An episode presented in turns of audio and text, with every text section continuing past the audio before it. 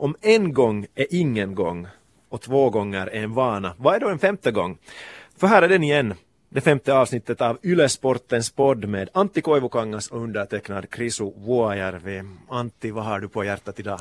Äh, inte så jättemycket. Första dagen tillbaka på jobb ordentligt med tanke på att när vi återvände från Sydkorea så blev vi dessutom hemma med eh, sjuka ungar i några dagar. Så att, att jag har liksom tagit tur med, med vardagen och insett att, att det är inte hemskt länge till fotbollssäsongen även om det är fullständigt brutalt snöigt i Österbotten ännu. Och sen har jag ännu lite Mästarnas mästare på näthinnan från igår.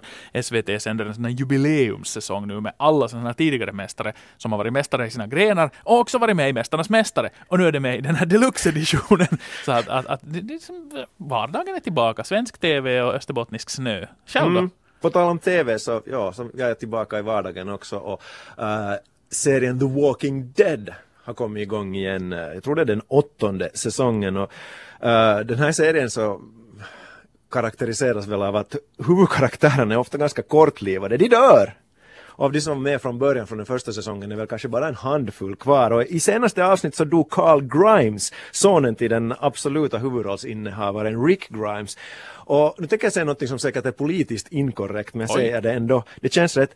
Uh, Carl Grimes, så den här sonen, så var ganska en tråkig typ i, i, i den här serien. Så jag tyckte att det var helt rätt att skriva ut honom. Och den nästa som enligt mig borde åka, som borde få silkesnöre, är faktiskt Rick, som någonstans är den som, som hela den här serien baserar sig på. Men, men jag tycker att de har varit, Carl och Rick har varit de tråkigaste de senaste säsongerna. Nå, då fick jag sagt det. Krisu Vuojärvis hitlist. Vem, mm. vem annan tänker du offa i Walking Dead?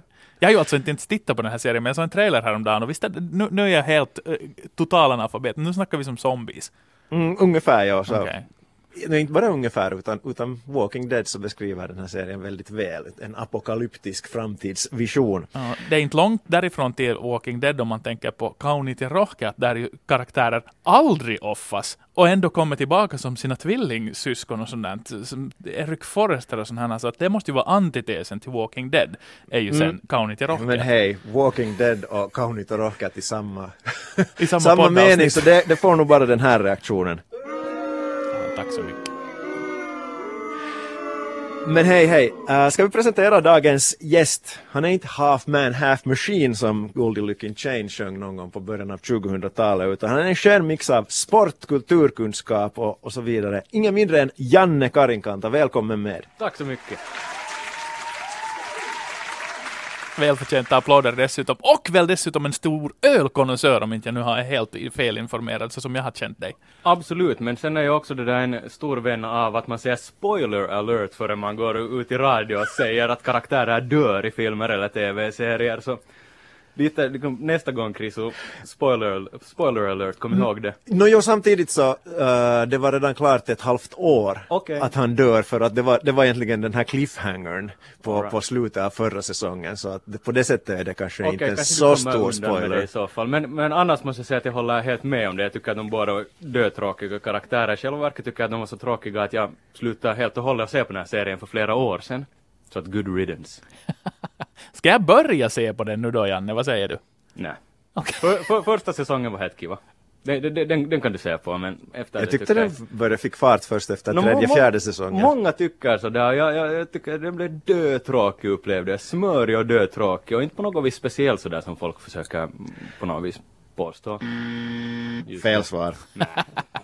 Men Janne, vi ska väl inte prata med, om tv-serier per se med dig idag, för vi har bjudit in dig av en, en speciell orsak. Du har ju en stor passion förutom för öl och sport och allt sånt, också för, som sagt, för filmer. Och det har ju varit Oscar night. Mm det har du helt rätt i. Har du vakat? Nej. Jag, jag, så varför har vi dig här överhuvudtaget då? jag, är inte, jag är stor vän av filmer men jag är inte en stor vän av galor om vi säger så. Jag tycker att de, de blir också långtråkiga, lite sådär som Walking Dead. Men du såg alltså inte Oscar-galan, hade du sett stora delar av de där filmerna då? Nej, no, inte ännu. Jag har sett några. Har, I veckan var jag sett på Three Billboards Outside Ebbing, Missouri och den tyckte jag att var ett jättebra och den vann väl också några pris. Prisen kollar jag såklart genast vinnarna på morgonen när jag vaknade, men att den där galaeländet så klarade jag mig utan. Jag tyckte Three Billboards var en sån där klassisk tre stjärnor av fem film. Nu, nu om jag skulle ha den där knappen så skulle jag trycka på den. Äh. Hey, du Janne, vi ger inte knappen åt allihopa i den här podden heller. Så att det här. Men film är din stora passion, sport är det du har och ska jobba med i framtiden, så därför har vi med Chris tyckt att det skulle vara helt givet att vi idag kombinerar de här två sakerna när vi går in i den första halvleken i dagens Yllesporten-podd. Mm. Det finns de som säger att sport helt enkelt inte gör sig på filmen. Här har jag kanske en lite annan åsikt, även om det finns otroligt många exempel på när man inte helt enkelt borde ha gjort filmer med sport som tema. Men sporten finns med i filmvärlden och filmerna finns med i sportsammanhang. Dramaturgin är inbyggd eller påklistrad, man vet aldrig vad det handlar om, men hur som helst. Janne Karinkanta, dagens gäst i Yle Sportens podd, Koivukangas och Vuojärvi. Vad är ditt förhållningssätt till sport och film? Ska de finnas i samma mening? Absolut. Jag, jag menar att om vi skulle ha sportfilmer så skulle vi inte ha något Mighty Ducks, vi skulle inte ha något Flying V och vi skulle inte ha något, det skulle inte, det skulle inte aldrig blivit något Paul Correa och Teemu Selänne om vi inte skulle ha sportfilmer. Vi skulle inte ha Michael Jordan som spelar basket på samma lag som Bill Murray och Looney Tunes mot ett gäng aliens. Att Jag du drar det åt det hållet är ju lite otippat faktiskt. Ja, ja du- brände direkt alla de där bästa idrottsfilmerna. Jag beklagar. Det, det, det, det är faktiskt de där två filmerna som är det, det första jag tänker på när någon säger sportfilm. Det, Är det sant det? Ja, jag såg dem som små och de gjorde ett jättestort intryck. Okej, gjorde de dig mera intresserad av sport eller av film? Eh, Ja, allting. All in one, two in one. Ja, ja. ja. Mighty Ducks-serien var ju bra, ja, på sitt sätt då jag var 11. Men, men har, du, har du återbesökt de här, de här episka filmberättelserna sen i vuxen ålder? Nej, nej, inte ännu. Men Gör det inte. där, under det senaste året hade det nog varit snack flera gånger det där med, med ett par kompisar att hej, någon dag, vi ska, vi, vi ska ordna en sån där Mighty Ducks maraton. Mighty Ducks kväll.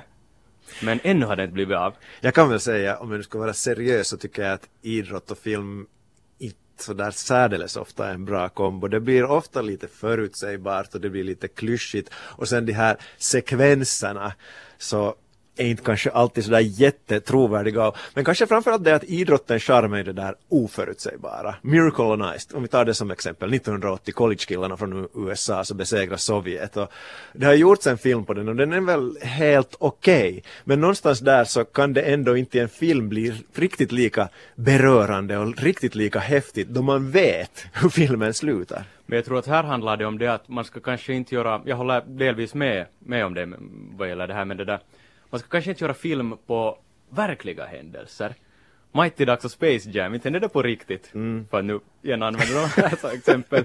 Men det, det är bra att man, man, idrottsfilmer kan vara inspirerade av verkliga händelser, men jag tycker att man ska kanske inte göra dokumentär, eller spelfilmsdokumentär på det viset om det, för just som du säger, man vet vad som händer och då är det ju inte så spännande. Ja, det blir ju sådana, ofta sådana hyllningshistorier som övergår till det tragikomiska. Nu har jag inte ännu utsatt mig själv för, för filmen 1995. Jag vet inte om ni har gjort det, men det känns som att, som sådär att, att den, den historien eh, har jag gärna kvar i mitt var jag, 16 år, 16-årings minne hur det hände och, och, och låter bli att titta på det på vita duken och mycket eller sådana andra filmer, precis som ni säger att, att det där som hände, det må ha hänt och det var, det var större än filmen rent dramaturgiskt, men sen med mot sport som backdrop så hade ju till exempel gjorts helt sjukt mycket bra komedifilmer. Och nu säger jag inte att varken Space Jam och, och Mighty Ducks i sig är Säg komedier, okej. De, de är komiska, de har komiska element, men, men jag tycker till exempel om sådana här Blades of Glory och Semipro och Dodgeball, där, där man totalt driver med, med sporten och har det som ett, som ett tema. De, de däremot faller mig i smaken. Inte så att jag skulle ge dem Oscarsstatyetter, men så att jag kan liksom vara road av dem. Komedi är ju en jättesvår genre. Att det var någon som sa att eh, drama så är lätt att, att få folk berörda men, men för att göra riktigt vass komik så, så det kräver en massa och det blir sen lätt ofta pajigt. Men jag håller med och jag skulle också vilja nämna i det här sammanhanget, du nämnde de där från Dodgeball och så vidare, så Slapshot är ju nog en, en klassiker som, som någonstans så, så håller, även om det är säkert 10-15 år sedan jag såg den senast. Paul Newman har ju också den här Eddie Felsen-karaktären. Jag vet inte, nu kommer någon säga att inte biljard är riktig sport, men det är den där, vad, vad, vad heter den? En Color of Money heter fortsättningsdelen, men Ja, det här var pinsamt för nu kommer jag inte ihåg vad den filmen ens heter, men han spelar en sån pool shark.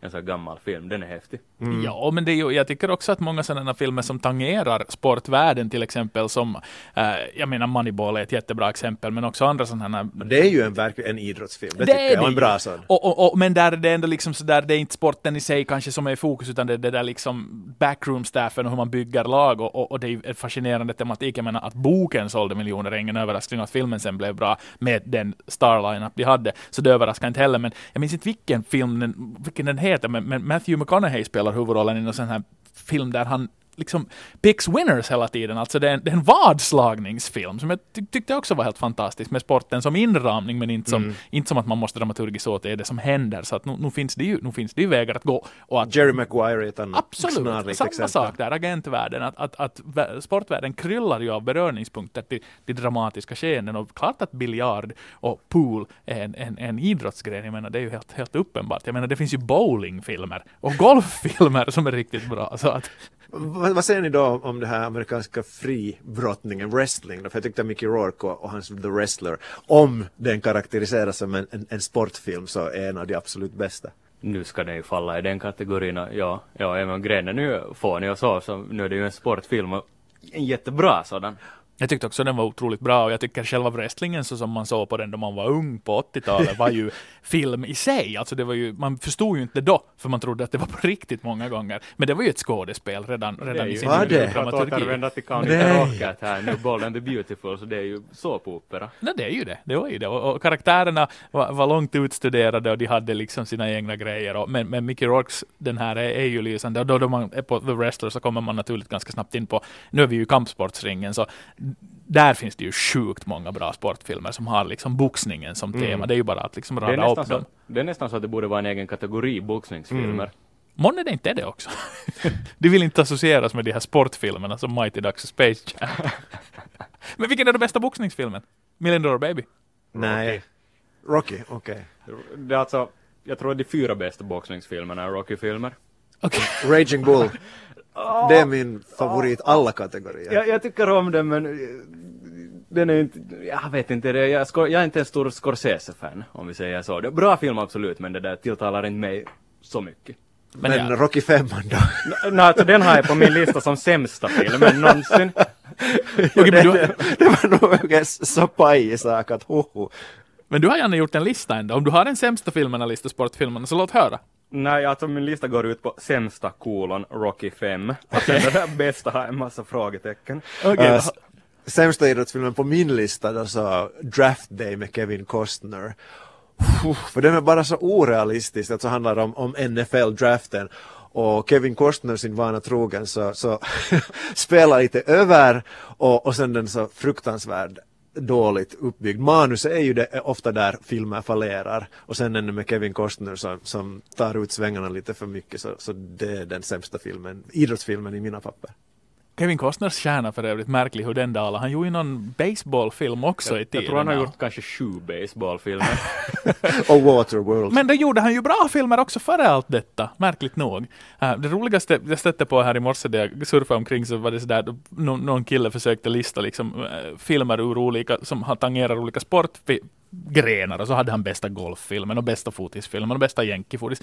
Och så, tyckte jag det roligaste var då han hade den bästa volleybollfilmen. Kan ni, Va? kan ni gissa vilken det var? Nej! Castaway! och det tycker jag är en br- briljant hårdragning, att ska man nu liksom definiera någonting utgående från Wilson, så gör det då. Men att i hans kategori så var, så var bästa volleybollfilmen, så det var, det, var, det var Tom Hanks, och det tycker jag var ganska roligt. Det var party på det. Men, men jag stötte på en sån här baseballfilm som jag tyckte jättemycket om i tiden. Jag har sett den om och om igen och den, den är så Får jag os- gissa? Nå, om du vill. Major League. Ja, verkligen. För den är liksom, det, det, här- jag vet inte, jag återkommer alltid till den. Jag blev liksom dödkär i Cleveland Indians dessutom. Bara som brand och som ett sånt där lag vars keps jag ville bära på grund av den där filmen. Tom Berenger, en sliten, sliten gammal kämpe och Är Charlie det den där Sheen Charlie Sheen spelar Wild Thing? Kulla. Och hans liksom, då äntligen hittat glasögon åt honom så kan han börja kasta bollen i rätt riktning. Den är, den är sjukt rolig, alltså i sin enkelhet. Om den sådär daytime movies kommer så, så ska jag aldrig i livet byta kanal och, och gå och se på någon Ostoskanava eller Kaunit i Rocket, utan jag skulle hållas på Major League. Den tyckte jag om. Det lär finnas en tvåa också, men den har jag inte sett. Den lär vara jättedålig. Okej, kanske jag låter Men, bli. men, men jag håller med dig om den där Major League på det sättet att, att det är en av de i mina papper mest klassiska sekvenserna i någon, någon sportfilm då han kommer med sina glasögon och gör den där comebacken uh, Charlie Sheen, vad, vad han sen hette i, i filmen minns jag inte längre men, men och så kommer Rick Thing och, Vaughn! Okej, tror Rick jag. Vaughn.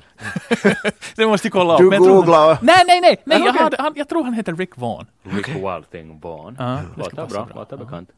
Ja, men du menar den scenen alltså då, då de, he, hela stadion spelar bisen och han kommer in ur dugouten där och, och Den är sen... nog häftig. Ja, ja, det är grejer. Men det har ju mycket med musik att göra alltså. Musik och film och sport och allt det där möts. Så, så det här, jag gjorde en o, ytterst ovetenskaplig undersökning här på förmiddagen på, på, på min FB-sida och frågade folk vad de tyckte som mest om för filmer just i den här genren. Sjukt mycket alternativ. Folk har, har mindre seriösa och mer seriösa förslag, men, men väldigt många människor tog upp uh, Chariots of Fire. Mm, Ja. Där är ju bra musik. Ja, och dun, dun, kanske allting som dun, möts i den. Och den tangerade ju också till exempel i, i, i om du minns, uh, London-invigningen. Uh, vad OS beträffar så använde man ju den sekvensen med, med Mr Bean om inte jag minns helt fel. Rowan ja. Så att, så att liksom, det är ju på något sätt en sån här episk scen. Om nu Rick Wild Thing Vaughns intåg på Cleveland Indians hemmaarena med glasögon är en stor sportscen, så är ju nog den där, den där strandlöpningen förstås på sitt sätt också. Men har vi några andra motsvarande sådana här episka, episka scener?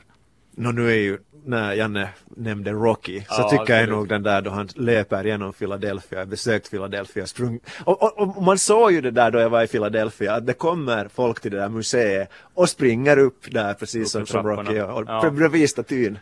Jag tog ju det här på allvar att jag blev in- inbjuden hit till det här podden, du, det du där- märker att det Ja. inte alltid är så seriöst. Nej, nej, men jag gjorde lite research här igår på kvällen och just när jag tänkte att ni kommer helt säkert att fråga vad är den bästa, mest episka sportscenen i någon sportfilm någonsin, så då måste jag ju kolla igenom alla de här träningsmontagen i alla Rocky-filmerna och kom fram till att det är i tvåan som det är den bästa.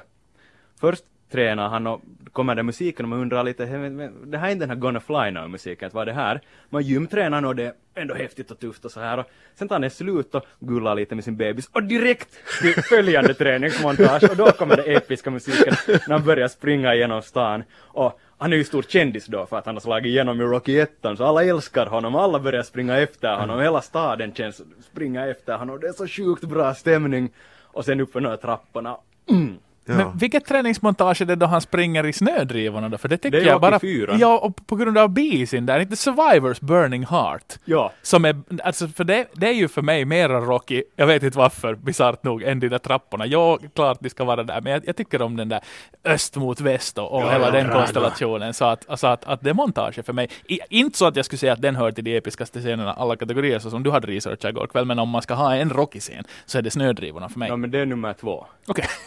På- och där hade de också ett dubbelmontage, det var samma grej att han tränar lite och sågar lite och sådär och hjälper någon bonde som vars kärra har gått sönder samtidigt som man klipper i kors med Ivan Drago som tränar på något Ja, använder högteknologi. modernt gym och dessutom får han några sprutor i musklerna där, som dopar sig såklart som man tyckte i Ryssland då under kalla kriget på gång och allt det här så det är nog jäkla häftigt, så bestiger han ett berg och Drago! Drago! Episkt. Ja. Vad har du Chris för scener då? No, jag nämnde ju redan den där ja, det var Rocky. Ja, du var i Mm, Philadelphia, mm. det är sant, det var din scen. Så att, det här, nej. För att, att, äh, jag vet inte, men, men det här, äh, jag, jag går alltid tillbaka till den här, äh, dels så, tycker jag, alltså sådär, jag håller ofta ganska mycket tal, sådär, folk anlitar mig att prata, varför vet jag inte, men det här, så, så då, då, då, någon gång vill man hålla sådana att man skulle vilja få att publiken liksom står upp och klappar för att någonting man har sagt. Så då brukar jag lyssna på det här äh, Al Pacinos tal i Any Given Sunday, det här locker room speechen och det, we, we will fight for that yard. Och äh, aldrig har jag liksom nått ens nära de sfärerna, men på något sätt sådär att, att det, är, det är en sån där scen som jag ofta fastnar vid och gillar. Äh, även om det inte sker jättemycket i den där scenen as such. Det är, liksom, det är ju jättestatiskt, det är ju bara retorik. Men det är fint. Mm, den Tycker jag. dagen du når den sfären så, så kan du nog sluta. Det är sådär där jag försöker motivera nioåringar att spela fotboll i en träningsturnering i mars. Så drar jag Al Pacino-kortet och så kommer de att, att, att dö för den där ena yarden, det är jag helt säker på. Sen det jag hittar till de där sfärerna. Vi fortsätter på idrottsfilmtemat också under den här andra halvleken av Ylesportens podd. Idag med trion Koivukangas, Karinkanta och Vuojärvi. Och i andra halvleken så brukar vi ju lite blicka framåt och, och om vi har det här temat så, så min fråga till er är som följer. Vilken idrottare, vilket lag eller vilket fenomen skulle ni tycka att det gör sig väl på den vita duken? Kanske både internationellt och, och, och nationellt men om vi börjar på det här nationella hemmaplansperspektivet. Vad sägs? Jag tycker att det finns tre sådana karaktärer från det levande livet som jag på något vis upplever att kunna bli en bra film. Uh, eller det, det, det, första kanske är jag inte riktigt säker på. Det är Pasi Rautiainen. Han är en grymt underhållande karaktär men sen börjar jag kanske lite tänka att vem kan kan man spela Pasi Rautiainen bättre och roligare än vad han själv är i det verkliga livet. Det kan man kanske inte göra. Så vi slopar Pasi Rautiainen i alla fall tills vidare. Sen tycker jag att vi har några två finlandssvenska stora bjässar som har haft ett intressanta karriärer och liv. Den första tjuren från Malax, Fredrik Smulter såklart. Jag tänker att det skulle vara häftigt, det skulle se bra ut på film. Han tränar där någonstans i ett Big House gym, det ser lite sådär rough ut och han är ju en häftig karaktär, det vet vi ju alla. Men sen det där, kanske om jag skulle börja arbeta på ett manus så jag kanske vilja göra om Robert Helenius. För där har det ju funnits en hel massa svängar i hans karriär. Och mm. nu, nu, nu liksom håller det ju nu på, vi vet inte vart det kommer att gå, det sista kapitlet är fortfarande oskrivet, men där tycker jag att vi har en ganska intressant historia allihopa ganska bra faktiskt där. Även Pasi Rautiainen, han är ju precis som du säger, han är ju större än filmen själv. Men det här, men, men det där, det där borde ju, man borde ju liksom slå ihop det här och göra en sån här superhjältefilm mellan, mellan tjuren från Malax och The Nordic Nightmare. Och att ja. skulle, skulle, skulle inte Winner takes it all. Ja, sådär som Kulturfonden skulle kunna gå igång på. Att liksom, det är dessutom äh, regionerna i Svenskfinland mot varandra. En sån där, en grym supermatch i, i oktagonen nu vet inte jag om du har kommit så långt i ditt manus ännu, men jag kastar nu bara ut det här att det är Janne så här. Ja, no, men det, definitivt ska vi inkludera en sån där scen i något skede. så där generellt sett så, så, tycker jag att för att det ska fungera så behövs det drama och det kan inte vara en sån här glansbild. Att, att därför just tycker jag att Raging Bull är en fantastisk film. Att han, han Jake LaMotta så kämpar mot sina demoner och, och, och, om vi nu lite tar in dokumentärer i det, i det här snacket så, så ni kanske såg Lasse Wirén-dokumentären här för en tid sedan. Uh, och, och, i samma andetag vill jag nämna också Teemu Selänne, otroligt välgjorda. Och, och man har grävt under egentligen varje sten. Men både Wirén och Selänne någonstans så, så lite för framgångsrika, det finns inte det där oslipade i, i, i dem. Och, och därför så tänkte jag också kanske lite sådär klyschigt i, i boxningstermer. Ja, ni är kanske så unga så ni minns inte en sån boxare som Tarmo Uusivirta. Han dog 1999, begick självmord och hans historia är nog beklämmande men samtidigt också fascinerande. Uh, alltså en, en, en av Finlands bästa boxare genom tiderna, lite en lågmäld arbetarklassens man och, och om Lamotta kämpar mot sina demoner så det gjorde nog Osivirta i allra högsta grad också. Han hade alkoholproblem, lite psykiska problem, han var luspank ganska snart efter karriären och bitter för att han ansåg att, att det fanns så många mellanhänder där som, som snuvade honom på konfekten. Och, och så slutade det som det slutade så att det här skulle kunna bli den här finländska versionen av The Raging Bull.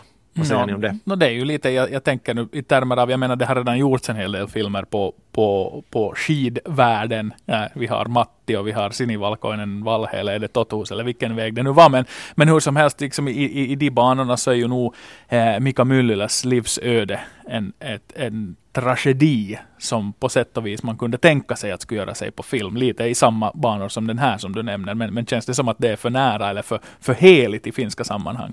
Mm, ja, det är nog en bra fråga. Ehm, det skulle nästan kanske göra sig bättre i en, en dokumentär än, än en sån här based on film. För att uh, vi har det där materialet och om, om man får folk att, att öppna sig och, och berätta öppet så, så why not lite i de här ESPN 30 for 30 dokumentärerna stil där, där är till exempel jag nämnde inte den, men, men en av de, kanske till och med den bästa idrottsfilmen om dokumentärer räknas The Two Escobars, där Andres Escobar gjorde självmål VM 1990 för Colombia. Colombia, en av storfavoriterna, blev mördad hemma i, i Colombia. Den andra Escobar förstås Pablo Escobar. Och, och han finansierar då Medellin till Sydamerikas bästa fotbollslag tack vare knarkpengar. Och det här sammanvävs till en alldeles fantastisk dokumentär. Så att äh, Myllylä, vet inte varför jag nu drar paralleller mellan de här två men jag, men jag skulle kanske hellre se en dokumentär om Mika Myllylä än, än, än en sån här filmatisering om ni förstår vad jag menar. Jag håller med och där, där är ju den grejen också att vi alla känner till den där historien så bra. Så en, en spelfilm kanske inte överraskar på samma vis när alla, alla, alla, alla vet det där storyn. Mm. Jo, nej, och där håller jag med Chris att, att den här boxningsfilmen där, där du har en berättelse som, som kanske är otippad, inte visste jag heller vem, hette han nu Olli Mäki eller vad han nu hette, den här, den här filmatiserade boxaren. Det är ju som story, ja, som storyn som är obekanta för mig, som att, att som kanske en annan generation har sett och hört och, och, och, och varit bekant med, men, men, men för mig var det långt nytt. Så att det är klart att, att den där närheten gör det lite svårt att, svårt att återge. Men äh, månne det nu inte ruvas på sådana filmmanus någonstans också, även om det kommer sen följande i kö efter Tjuren från Malax och The Nordic Nightmare. Mm. Men internationellt då? Har, har ni några idéer, tankar? Hey, förresten, jag vill ännu gå tillbaka till, jag, jag, jag glömde helt och hållet min bästa idé som jag, jag, jag har massor med bra idéer. Men att det där, nu skulle jag vilja se det där en historia om när Carl Brewer kom till stan och skapa det här Helsingfors IFK, det här Big Bad Studybo-brandet som ju har levt kvar hur länge som helst och det var ju inte bara, det, där, där går vi ju över utanför hockeyrinkarna också, det är ju en stor kulturgrej och, och, och folk snackar fortfarande om det här men Carl Brewer spelar ju, varför spelar han 20 matcher i IFK? Och han är en helt galen legend. Den där historien skulle jag vilja, vill, vilja se berättad på film. En mm. sån där Coming to America i finska sammanhang. ja men hej, Uh, internationellt ännu, har vi, har vi några tankar på vem eller vad eller vilket lag som skulle kunna bli en bra film?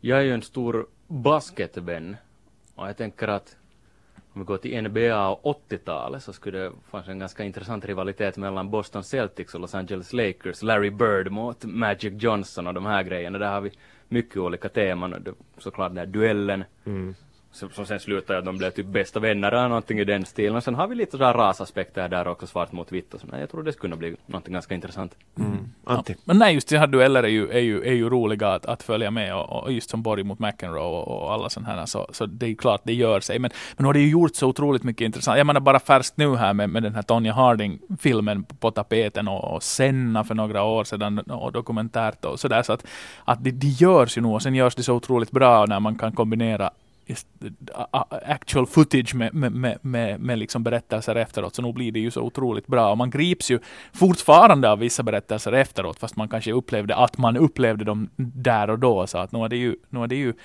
Uh, jag vet inte vad som skulle vara den där som, som, som känns som sådär jätteoberättad, den mm. historien. För det är ju det som är det fascinerande med filmen, att, att det kanske, de borde ju lyfta fram just de där storyna som vi inte känner till, och då blir man fascinerad.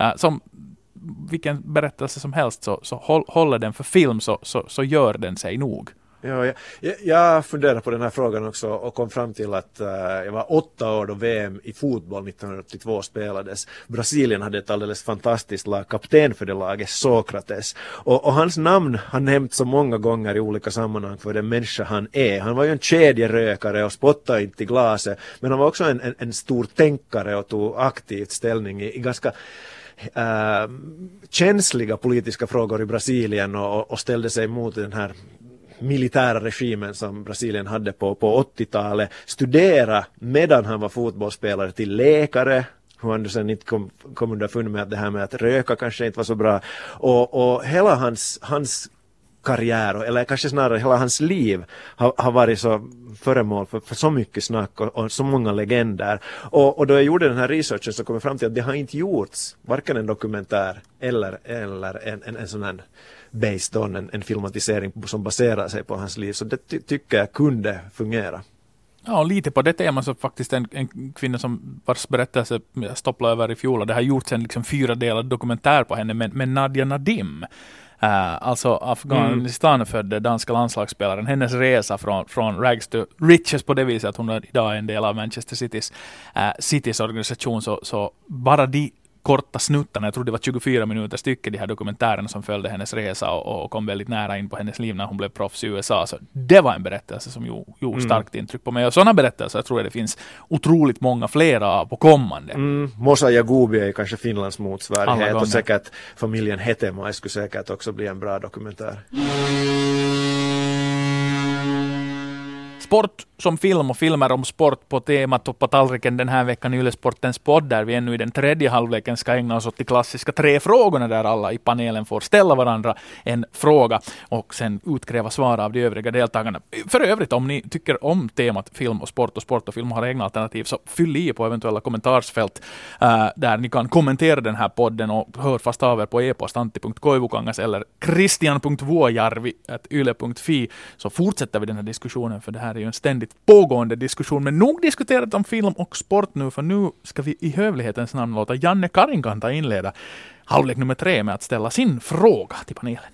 Jag tänker lite inspirerad av att det ju var Oscarsgalan här nyligen så tänkte jag det där att ni skulle få de, dela ut pris för bästa idrottshändelse, tävling eller match från i fjol som ni har besökt. Ni har varit på plats helt konkret, ni, det, räcker inte att ni har tittat på TV. Ni måste ha varit på plats. Vad var det den tävlingen, matchen som gjorde det största intrycket? Jag var på hockey-VM i fjol och finalen mellan eh, Sverige och Kanada var ju alldeles fantastisk ishockey och, och då det hela slutade sen som det slutade med straffläggning, Henrik Lundqvist, uh, stor hjälte, så kunde jag se att det var det häftigaste jag såg på plats i fjol. Men det är det inte. Eh, jag var jätte, jättetagen av stämningen under skid-VM i, i, i Lahti, så det Uh, förvånar mig personligen, det var kanske därför att de, då förväntningarna inte är så högt uppskruvade, så sen då, då man kommer på plats och upplever vad man upplever. Så, så, uh, jag tror att det var Toffe Herbert som i vår årskrönika nämnde det här att, att Finland har blivit en, en bra arrangör av idrottsevenemang. Vi, hade basket-EM här och det var ju alldeles sagolik stämning. Och, och på samma sätt nog också skid-VM i Lahtis, med tanke på vad som hände 2001, vi ska inte gå in på det, så, så förväntar jag mig lite sådär att, att hur ska det här nu gå? Och, och då Lahtis blev äh, arranger, eller utsågs till, till arrangör då för de här, de här VM-tävlingarna. Så så nej, att Aina sa här vet jag, att det här kan sluta illa igen. Men, men det var jättegemytligt, det var en varm stämning och jag märkte att idrottarna också uppskattade äh, vad, vad Finland och, och Lahtis betydde som, som ort för, eller arrangörsort för, för de här tävlingarna. Jag försökte rannsaka mig själv och konstatera vad i fridens namn såg jag ens live under 2017? Men det var så sjukt lite. Så jag hittade nästan ingenting. Allting som jag tänker, men jag var ju där och då. Nej, det var 2016 eller liksom tidigare år. Jag hade ett värdelöst år 2017 av att se liveidrott. Det var liksom mest regionala tävlingar, uh, division 1 och 2 matcher i Men de kan fotboll också vara och, och stafettkarnevalen. Så, så någonstans nästan, jag, jag, jag, jag, har, svårt att sätta fingret på att jag skulle ha sett någonting riktigt häftigt live under fjolåret överhuvudtaget. Så istället för att ge ett direkt svar på din fråga, Janne, så ger jag dig ett löfte om att vi ska göra bot och bättring under 2018 och bjuda på någonting så hejdundrande i liveidrottsväg så att jag har någonting vettigare att Men komma du har ju redan med. Sett eh, på plats och ort och ställe och you name it, eh, ett, ett finländskt eh, OS-guld så det kan väl vara svårt att toppa. Nå, det är sant i och för sig, men året är långt. Men, men jag, jag, jag säger pass. 2017 var ett dåligt år av mig. Jag så, förlåt Janne, jag är ledsen. Jag borde gå på mera och bättre idrott. Ja, no, du borde definitivt ha varit på basket-EM som Chris Oren nämnde, för det, det, det, det toppar min lista. Första matchen Finland-Frankrike på hemmaplan. Det var så sjukt bra stämning och det var ganska högklassig nivå på matchen tycker jag också i alla fall som bäst. Det var spännande, det var atmosfären helt otrolig. Jag blev nästan chockad, lite som Chris Oilahtis, att vad är det som händer här? Det var så otroligt bra stämning. Plus att det blev förlängning ännu, så det var ju som det ska ha varit en Mighty Ducks-film eller någonting. Du borde ha kört Space en Jam kanske Flying V i slutet Ja, så skulle ja. allting ha varit komplett. Men bra, bra svar. Jag, jag, jag avundas er. Jag fick Mm. inte uppleva varken Lahtis-VM eller basket-EM, så att damn! Mm. Eh, min tur då. Eh, jag refererar Champions League åttondelen PSG Real Madrid på tisdagen. Om vi nu talar idag och imorgon så vi vandrar nu på måndagen så imorgon. Och det här är kanske mitt sista Champions League-referat någonsin. Och, och det är en bisak, men jag slogs här av tanken då jag håll, inledde mina förberedelser att uh, vilken fotbollsposition skulle ni mina herrar helst spela om vi önskedrömmer att ni skulle vara fotbollsspelare på yttersta världsnivå? Nå, det skulle anfallare alltid. Okej. Ja, äh, oavsett idrottsgren så vill jag vara på något vis den där som lägger in den där sista stöten. Men det här skulle krävas att jag skulle ha också lagkompisar av yttersta världsklass så att jag får några bollar dit i spetsen. Men anfallare definitivt. Striker, jag vill göra målen.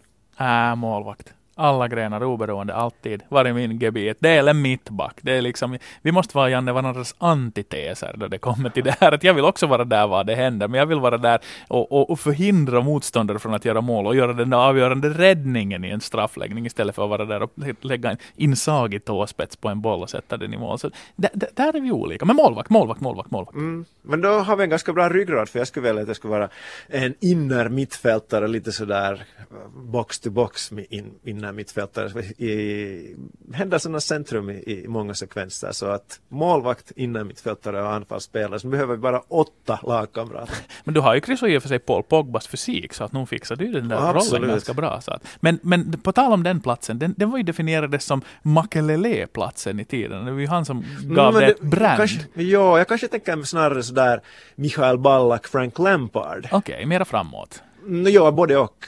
Ja. Så att man, man Var det här alltså förebilden nu? nej inte förebild, utan, utan den position som jag gärna skulle spela om jag skulle Men om, om Chris skulle vara den där mittfältaren stöpt i Mikael Ballaks form och Janne, vilken anfallares, i vilken anfallares form skulle du då vara stöpt? Aj, det var, det, det ska jag måste tänka på lite längre, men jag, jag var redan inne på något vis någon slags förebild som har inspirerat mig till att vilja, eller drömma om att bli en anfallare, så tänker jag på Ismo Lius, HJK, Ja. anfallaren i, eller han spelade ju Kuusi före han kom till HJK, men när jag var liten så var jag titta på HJKs matcher med Ismo Lius, Ja. Ispi. grym sniper. Okej. Men före jag då ställer min fråga till er så ska jag avsluta med att säga att målvaktsformen jag skulle vara Får jag gissa? No, absolut. Jean-Marie Pfaff. Nej, faktiskt nästan Afghan. rätt land. Nej, för att Faff var, jag var lite, lite, lite för ung så det blir Prodom. Ja, förstås. Det, vill- förstås, det vill säga förstås. hans liksom efterträdare i landslaget. För han, han var min stora målvaktsinspiration äh, som ung. Så att, så, att, så att där, en sån typ duktig målvakt som går långt i VM-turneringar. Äh, sista frågan. Som barn, när ni såg på TV, ifall ni gjorde. Det kan ju hända att ni inte gjorde. Men vad var er favoritritade tecknade serie som ni ännu idag bär med er varma minnen av? Vad var the cartoon of your dreams? Turtles, utan tvekan. Smurfarna. Jag var i och för sig allätare men, men jag minns att jag hade sådana figurer då med, med, med smurfarna. Jag älskade dem då jag var fem sex år. från gröna gubbar till blåa gubbar till avslutningsvis min favorit som jag bär med mig alltid. Han är dessutom aktuell än i denna dag. Låt vara i en remake som inte alls är lika bra. Men Inspector Gadget. Definitivt en serie som jag gillar och fortfarande gillar och, och, och, och tyckte mycket om. Så att, så att där, där min. Turtles, Smurfarna och Nej, det- Inspector Gadget. Det Ganska ska bra. uttalas Turtles. det här är viktigt för mig. Janne fem år.